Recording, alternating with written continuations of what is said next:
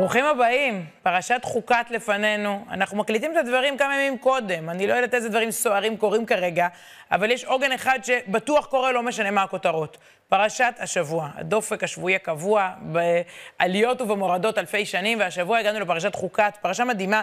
אני בחרתי, ברשותכם, לדבר רק על שלושת המנהיגים שלנו.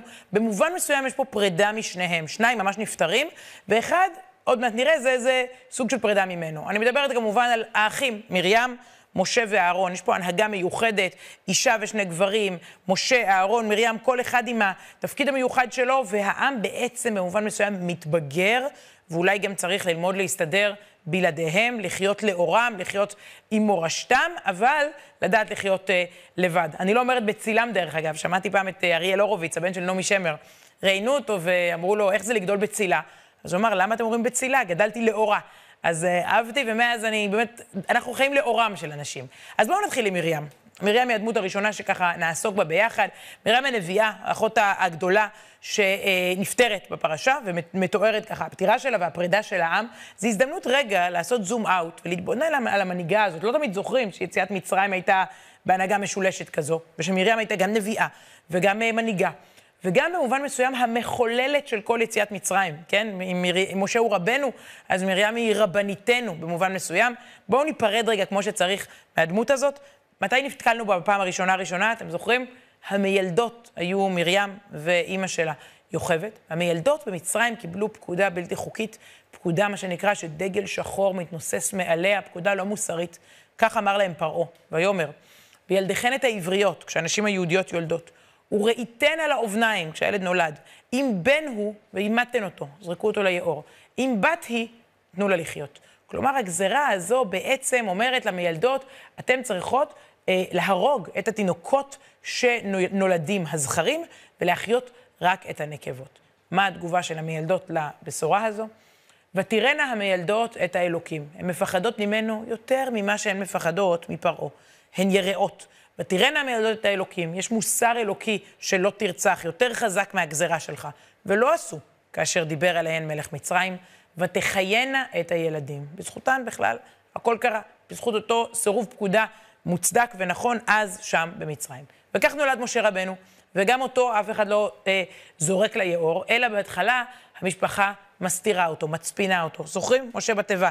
אה, ותער האישה, אימא של משה, ותלת בן, ותראה אותו כי טוב הוא, כן, משה, איך שהוא נולד, הבית התמלא כולו באור, ותצפנהו, היא מסתירה אותו, מצפינה אותו שלושה ירחים, שלושה חודשים מתחילה אה, ומצליחה להסתיר אותו מהמצרים. אבל בגיל שלושה חודשים ולא יכלה עוד הצפינו, הוא כבר גדול, ותיקח לו תיבת גומה, משה בתיבה, ותחמרה בחמר, בזפת, והיא שמה שם את הילד בפנים, ושמה אותו בסוף על שפת היאור. ופה שוב מגיעה מרים.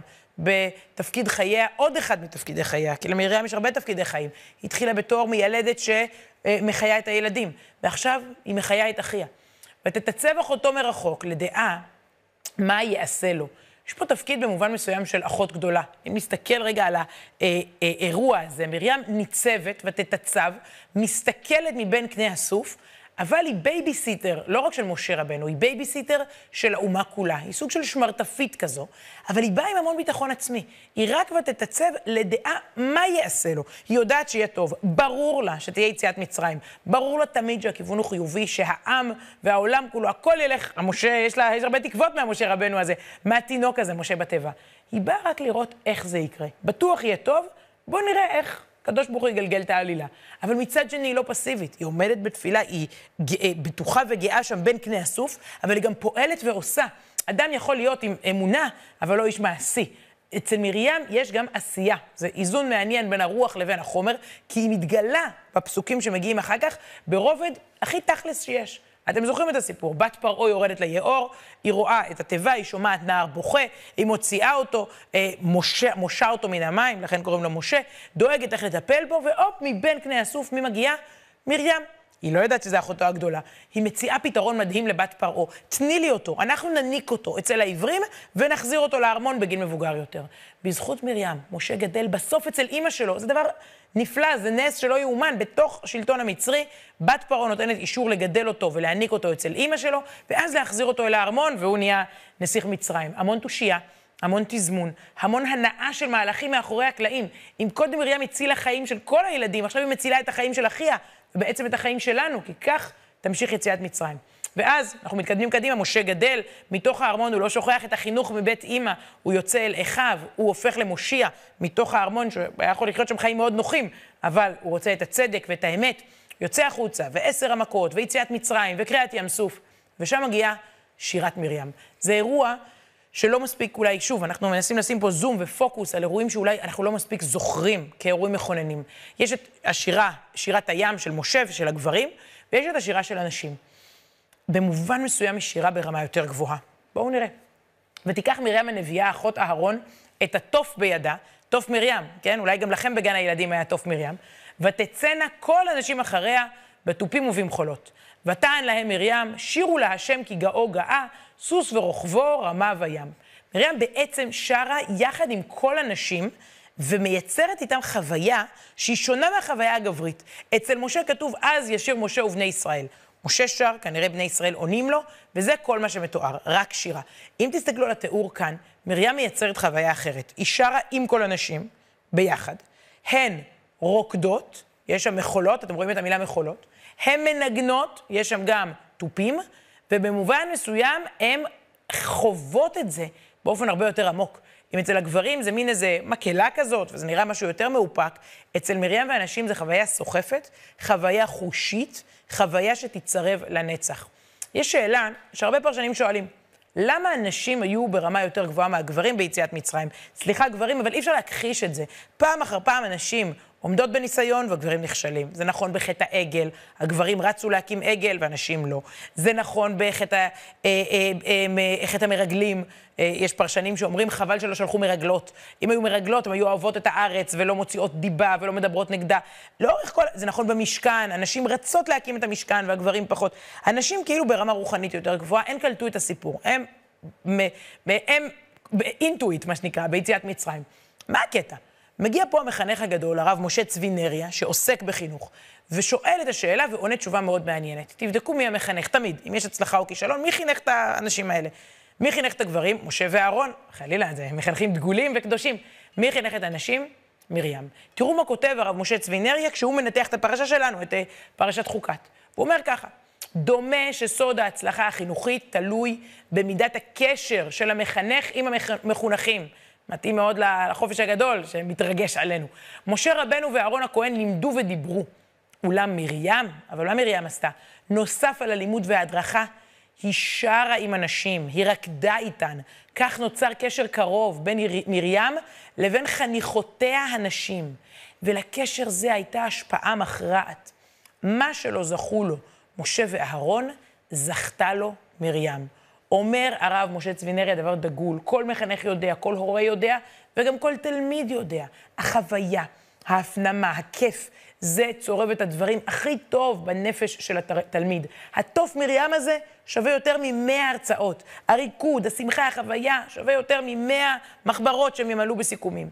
זאת מרים, התחלנו איתה כמיילדת, היינו איתה בים סוף, ביציאת מצרים, היא ליוותה את העם כל כך הרבה שנים, ומסכת החיים המפוארת הזו מסתיימת בפרשה שלנו. עכשיו נביא את הפסוק מהפרשה שלנו, פרשת חוקת. ויבואו בני ישראל, כל העדה, מדבר צין בחודש הראשון. וישב העם בקדש, ותמת שם מרים ותיקבר שם. מרים מתה, מרים נקברת, העם כולו מתאבל עליה. אחד הדברים המפורסמים שליוו את העם היה גם באר מרים. היה קשר בין המים והבאר שליוו את העם לבינה. במובן מסוים עכשיו גם באר מרים פסקה, ולעם אין מים.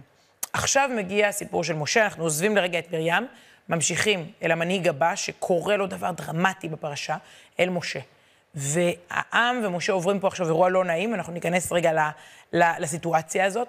אה, משה בעצם אבל על אחותו, וגם העם אבל על מרים. הם היו מאוד עצובים. תחשבו שנייה, משה זה אחותו הקרובה, הצילה את חייו שם. העם, זה המיילדת של כל העם, זה המחנכת, זה הנביאה. כלומר, כשאנחנו עכשיו דנים במשה ובאירוע הזה, צריך לקבל את ההקשר, כי זה קורה פסוק אחד אחרי הפסוק שהבאנו. הבאנו את פטירת מרים, מרים נפטרה, הופ, תראו מה קורה. ולא היה מים לעדה, ויקהלו על משה ועל אהרון. כלומר, מרים נפטרה ויחד איתה גם באר מרים, נעלמת בעצם, וצריך מים. עכשיו, זה פסוק אחד אחרי, כלומר, כולם עדיין בתוך השבעה, בתוך השלושים, בתוך, בתוך האבל, והם עצובים, והם עצבניים, והעם תוקף שם ומדבר ומתנהג בצורה מאוד מאוד, הייתי אומרת, אה, קיצונית כלפי משה, כלפי אהרון. משה ואהרון מבינים שיש להם עוד משבר, כבר מי סופר כמה, מי יודע כמה, צריך באמת פעם לספור כמה פעמים מאז שיצאנו ממצרים, אה, לא נעים להגיד, פישלנו, כן? אה, קיטרנו על אוכל ועל מים ועל מה לא. ואז בעצם אלוקים אומר למשה את הדבר הבא, בתוך אותו צמאון של העם ותסכול וכעס בין המנהיגים לבין העם, וככה, זה מתואר בהרבה פסוקים. אה, וידבר השם אל משה לאמור, כך זה אמור להיגמר הסיפור הזה. וידבר השם אל משה לאמור, קח את המטה, והקהל את העדה, אתה ואהרון אחיך, ודיברתם אל הסלע לעיניהם ונתן מימה. ויש פה סלע, אתה רואה? דבר אליו והוא ייתן מים. ההוראה היא בעצם לדבר, לבקש, להתפלל, לעמוד מול הסלע, לדבר אליו והמים יצאו. זה אמור לסגור את הסיפור. מה שקורה, זה לא עניין טכני, זה עניין מאוד מאוד עמוק. זה הדבר הבא, תראו את הפסוק הבא. וירא משה את ידו, ויח את הסלע במטהו פעמיים, ויצאו מים רבים. ראינו באופן מפורש ופשוט שכתוב בפסוק לדבר אל הסלע, וראינו שכתוב שמשה מכה אותו. ככל הנראה, יש הרבה דעות אחרות, אבל הרבה מאוד פרשנים אומרים, זו הסיבה בגללה משה רבנו ייפטר עוד מעט בפרשות הבאות, ולא ייכנס לארץ ישראל. הפסוק עצמו אומר זאת שם, במקום, תראו. ויאמר השם אל משה ואל אהרון, יען לא האמנתם בי, להקדישני לעיני בני ישראל, לכן לא תביאו את הקהל הזה לארץ אשר נתתי להם. כלומר, משה לא נפטר בפרשה, מרים כן, ועוד מעט גם אהרון בפרשה הזאת ייפטר במדבר. אבל משה בפרשה הזאת מתבשר שהוא ייפטר במדבר ולא ייכנס לארץ. בעצם, במובן מסוים אנחנו נפרדים משלושת המנהיגים האדירים האלה. מה זה משנה, תסלחו לי, אלפי שנים אחר כך, אם משה דיבר לסלע או משה היכה את הסלע? אז בואו נבין, מים הם סמל להרבה יותר מזה. מים הם סמל לתורה, הם סמל לחוכמה, הם סמל לעומק, הרי זה באר שחופרים. ברגע שהעם דורש מים חיים, משה מתבקש לדבר אל הסלע, לא להכות. זה בעצם שלב חינוכי חדש, אנחנו כבר כמעט 40 שנה במדבר. אם עד עכשיו היה צריך ליטול מכה ביד, עכשיו צריך לעבור ללשון רכה. אם עד עכשיו היה צריך מעשים, עכשיו צריך דיבורים. אם עד עכשיו היה צריך כפייה, עכשיו צריך אהבה. האבן לא דרושה יותר, לא דורשת יותר אלימות, צריך מילים. מילים שיגלו את הפנימיות שלנו. זה שלב חדש בחינוך, הרי הכל פה זה אירוע חינוכי. ואנחנו ערב הכניסה לארץ עוברים למנהיגות מסוג אחר. זה כבר הילדים של אלה שיצאו ממצרים. במובן מסוים, ושוב, קטונתי, לעמוד פה אחרי אלפי שנים ולתאר את החטאים של משה רבנו, אה, בוא נגיד אה, שלכל אחד מאיתנו יש יותר. ועדיין התורה כותבת את זה בתור דבר קדוש, צריך לברך ולפתוח את ספר התורה, ובשבת בבוקר יפתחו ספרי תורה בכל רחבי העולם היהודי, וקוראים את, את הדברים האלה, קוראים כל שנה. כלומר, יש משמעות ל, לרגעים האלה, שבהם משה לא מדבר אלא מכה. כל גננת תגיד לכם, אנחנו חוזרים לחינוך ברמה הכי בסיסית, מה גננת תגיד לכם? לא להרביץ, לא, לא לדבר בידיים, לדבר בפה. מגיל אפס מנסים לחנך אותנו לזה. ובטח שעם הכניסה לארץ ישראל, צריך לשנות את ההנהגה ואת החינוך, זה לא מתאים יותר. מה שהתאים, להכות את הסלע שם במצרים, אנחנו עוזבים את התרבות הזאת, מתחילים לפתוח ולפתח תרבות אחרת. אז בעצם האירוע הזה, נפרדנו ממרים, מיד אחר כך התחלנו להיפרד ממשה, כלומר, אנחנו מבינים שהוא לא ימשיך איתנו לארץ, במובן מסוים נקבל הנהגה חדשה, יהושע, העם כנראה צריך, צריך לפתוח איזה פרק חדש. ועכשיו, גם אהרון נפטר, זה לא יאומן. הפרשה הזאת, אה, באמת, העם יושב שבעה ועוד הפעם, ו, וזה באמת אה, אה, אה, דרמטי ביותר להיפרד ככה מהדור הגדול של הענקים ולהמשיך בלעדיהם. ואצל אהרון זה אירוע באמת מיוחד, כי במובן מסוים, אהרון הכהן היה אה, קשור אישית לכל אחד מבני ישראל, וכל אחד הרגיש חלק מהאבל הזה. הפסוק מתאר את זה ככה: ויראו כל העדה כי גבה אהרון, כן, נפטר, יש מעמד מיוחד שבו אהרון בעצם, אה, ומשה, ומשה קובר אותו, ויראו כל העדה כי גבה אהרון, ויבכו את אהרון שלושים יום כל בית ישראל, כולם. למה כל בית ישראל? אומר לנו רש"י, האנשים והנשים, כל הגברים וכל הנשים הרגישו שהם באבל. לפי שהיה אהרון רודף שלום ומטיל אהבה בין בעלי מריבה ובין איש לאשתו. רודף שלום זה הגדרה מדהימה. שלום, לכאורה, זה משהו כזה פיסניקי, חמוד, רגוע. רודף זה ככה משהו אקטיבי מאוד. איך אפשר לרדוף שלום? זה הסוד של אהרון. להיות רודף, בדרך כלל בן אדם רודף אחרי מלחמה, אחרי כסף, אחרי אגו, אחרי לייקים. הוא רודף, אבל אחרי השלום, משהו שהוא לא אה, עניין של רדיפה. אהרון ממש חיפש אנשים שרבו והשלים ביניהם. לא רק הם הגיעו אליו שיעשה שלום ויפייס, היה הולך ברחוב, מחפש מי כועס על מי, מי נעלב ממי, גברים ונשים, הורים וילדים, חברים, לא משנה מה. כלומר, אהרון במובן מסוים הוא, הוא דמות שמלמד, שלכן גם כל העם מתחבר אליו, כי הוא כל הזמן רדף אחר שלום והשכין שלום בין כל סוגי המריבות והיריבים שהיו בעם. אני חושבת על זה, אפרופו פוליטיקה, זה לא מנהיגים שנבחרו בקלפי וישבו בכנסת. הנהגה רוחנית היא לא רק הנהגה מהסוג שאנחנו מדברים עליה יומם ולילה. מי יתפצל עם מי, מי משוריין, מי הולך עם מי, מי מגיע ל-61. יש עוד המון סוגים של מנהיגים שאנחנו לא מספיק מדברים עליהם. הנה דוגמאות.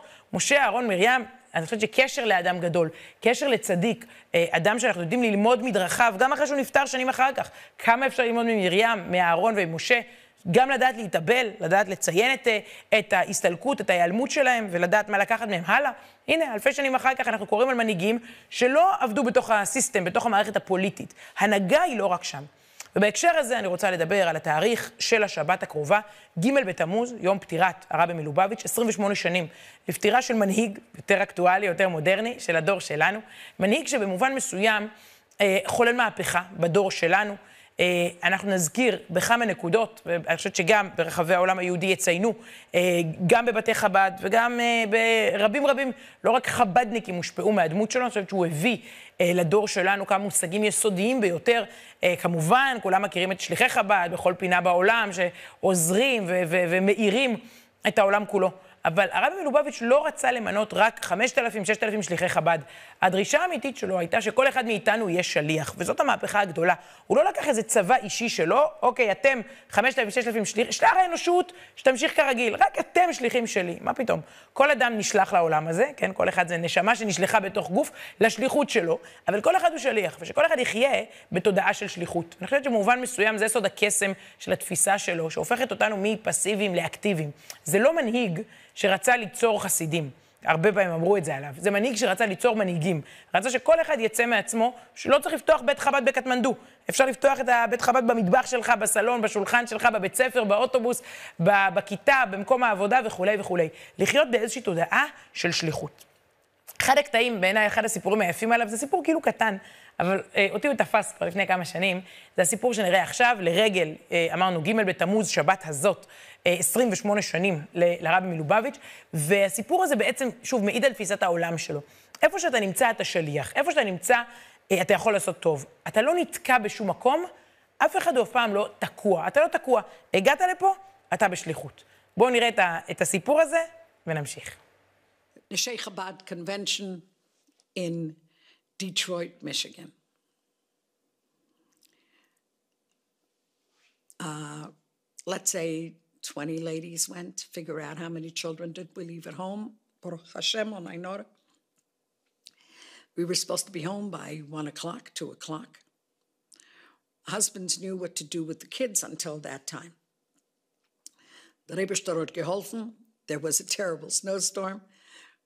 Airport in Detroit closed down.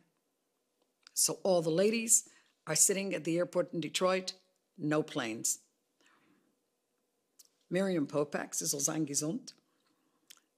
She was the head of Neshei Chabad out of town conventions at the time. Now her daughter, Mrs. Feldman, took over. She went to the telephone and she called New York. Rabbi Klein answers the phone and she says, uh, We're stuck in Detroit. And Rabbi Klein said, Ein minut, and he goes to the Rebbe and he comes back and he says, the Rebbe will wissen, was heißt stuck. So Mrs. Popek is explaining the word stuck. So Rabbi Klein, and she keeps asking for quarters and dimes and nickels, ching, ching, ching, ching, ching, ching. None of you know what I'm talking about, right? You have cell phones. And um, she, she's explaining was stuck. And he says, the Rebbe was weiß was. The Rebbe knows the translation of the word. The Rebbe hat gesagt, as I id is kein mal nicht stuck. that a Jew is never stuck. So if you're in Detroit at the airport, you're not stuck. You need to be there. The women ran around the airport giving out Shabbos candles. There are women all over the United States today that are lighting Shabbos candles because the Nishi group, this is what they called us instead of Nishe, the Nishi group was stuck in Detroit, Michigan. Aid is Kane Molnit stuck. If you're somewhere, that's where you're supposed to be. אז לא משנה איפה אתם עכשיו, במטבח, ברכב, בארץ, בחו"ל, אתה לא תקוע. איפה שאתה נמצא, תמצא את המשימה, תמצא איך להיטיב עם אחרים שם, אתה אף פעם לא תקוע. אני חושבת שזו תפיסת עולם שבאה לידי ביטוי כמעט בכל סיפור. אלפי, אין ספור, יותר מאלפי מפגשים עם הרב מלובביץ' תועדו לאורך השנים, ובכל אחד מהם הוא מאיר אור אצל מי שהוא פוגש. סיפור אחר שבו נסיים הוא על ילד שבא אליו, ילד בר מצווה, שבא לבקש ברכה מהרבי מלובביץ', ואמר לו שהוא לא רק מבקש ברכה לבר מצווה, ההורים שלו הביאו אותו לניו יורק גם כדי לראות משחק של הקבוצה אה, באיצטדיון, הפוטבול, קבוצת הפוטבול שהוא הכי אוהב. אה, והרבי, אה, והוא אמר לרבי, תברך את הקבוצה שהיא תנצח.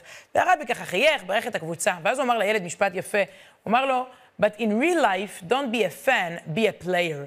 בחיים האמיתיים, אל תהיה אוהד, תהיה שחקן. זה נחמד שאתה אוהד של איזה קבוצה, אבל בחיים האמיתיים תהיה אקטיבי, תהיה שחקן. אל תהיה רק אחד שיושב כזה, איזה קאוץ' פטייטו כזה, איזה בטטה כזה על הכורסה, ומסתכל בתור אוהד. הרי מה זה אוהד? אתה יכול אה, למחוא כפיים ולקלל ולהריע, אתה יכול גם ללכת באמצע המשחק, ויכול הרבה דברים. אתה בסך הכל אוהד. אפשר לא לבוא לחלק מהמשחקים, אפשר להחליף קבוצה, סבבה, אוהד. בח... זה נחמד שאתה אוהב את הקבוצה, אמר הרבי, אבל בחיים האמיתיים, אתה נהיה בר מצווה, קח אחריות על העם שלך, על הזהות שלך, אל תהיה אוהד, תהיה שחקן. תרד לדשא, אתה חלק מהקבוצה, תבקיע גולים באופן אה, של, של משל, אתה, אתה משפיע על התוצאה. אל תהיה אוהד, תהיה שחקן. אל תהיה פסיבי, תהיה אקטיבי. נדמה לי ששוב, זה חלק מהקריאה שלו לכולנו, שעוד מהדהדת בעולם, יש עוד מה לתקן אה, גם היום. אז דיברנו קצת על מנהיגים בפרשה, דיברנו על אה, מנהיג מדורנו, נפרדנו גם ממרים היקרה, שמשאירה לנו כזו מורשת, מנהיגות נשית מיוחדת, גם ממשה שמתבשר שהוא ייפטר במדבר, וגם מאהרון רודף השלום, שנפטר גם הוא בפרשה. עד כאן, שבת שלום והמשך קיץ נעים. שבוע הבא נפגשים פה שוב, פרשה חדשה. להתראות.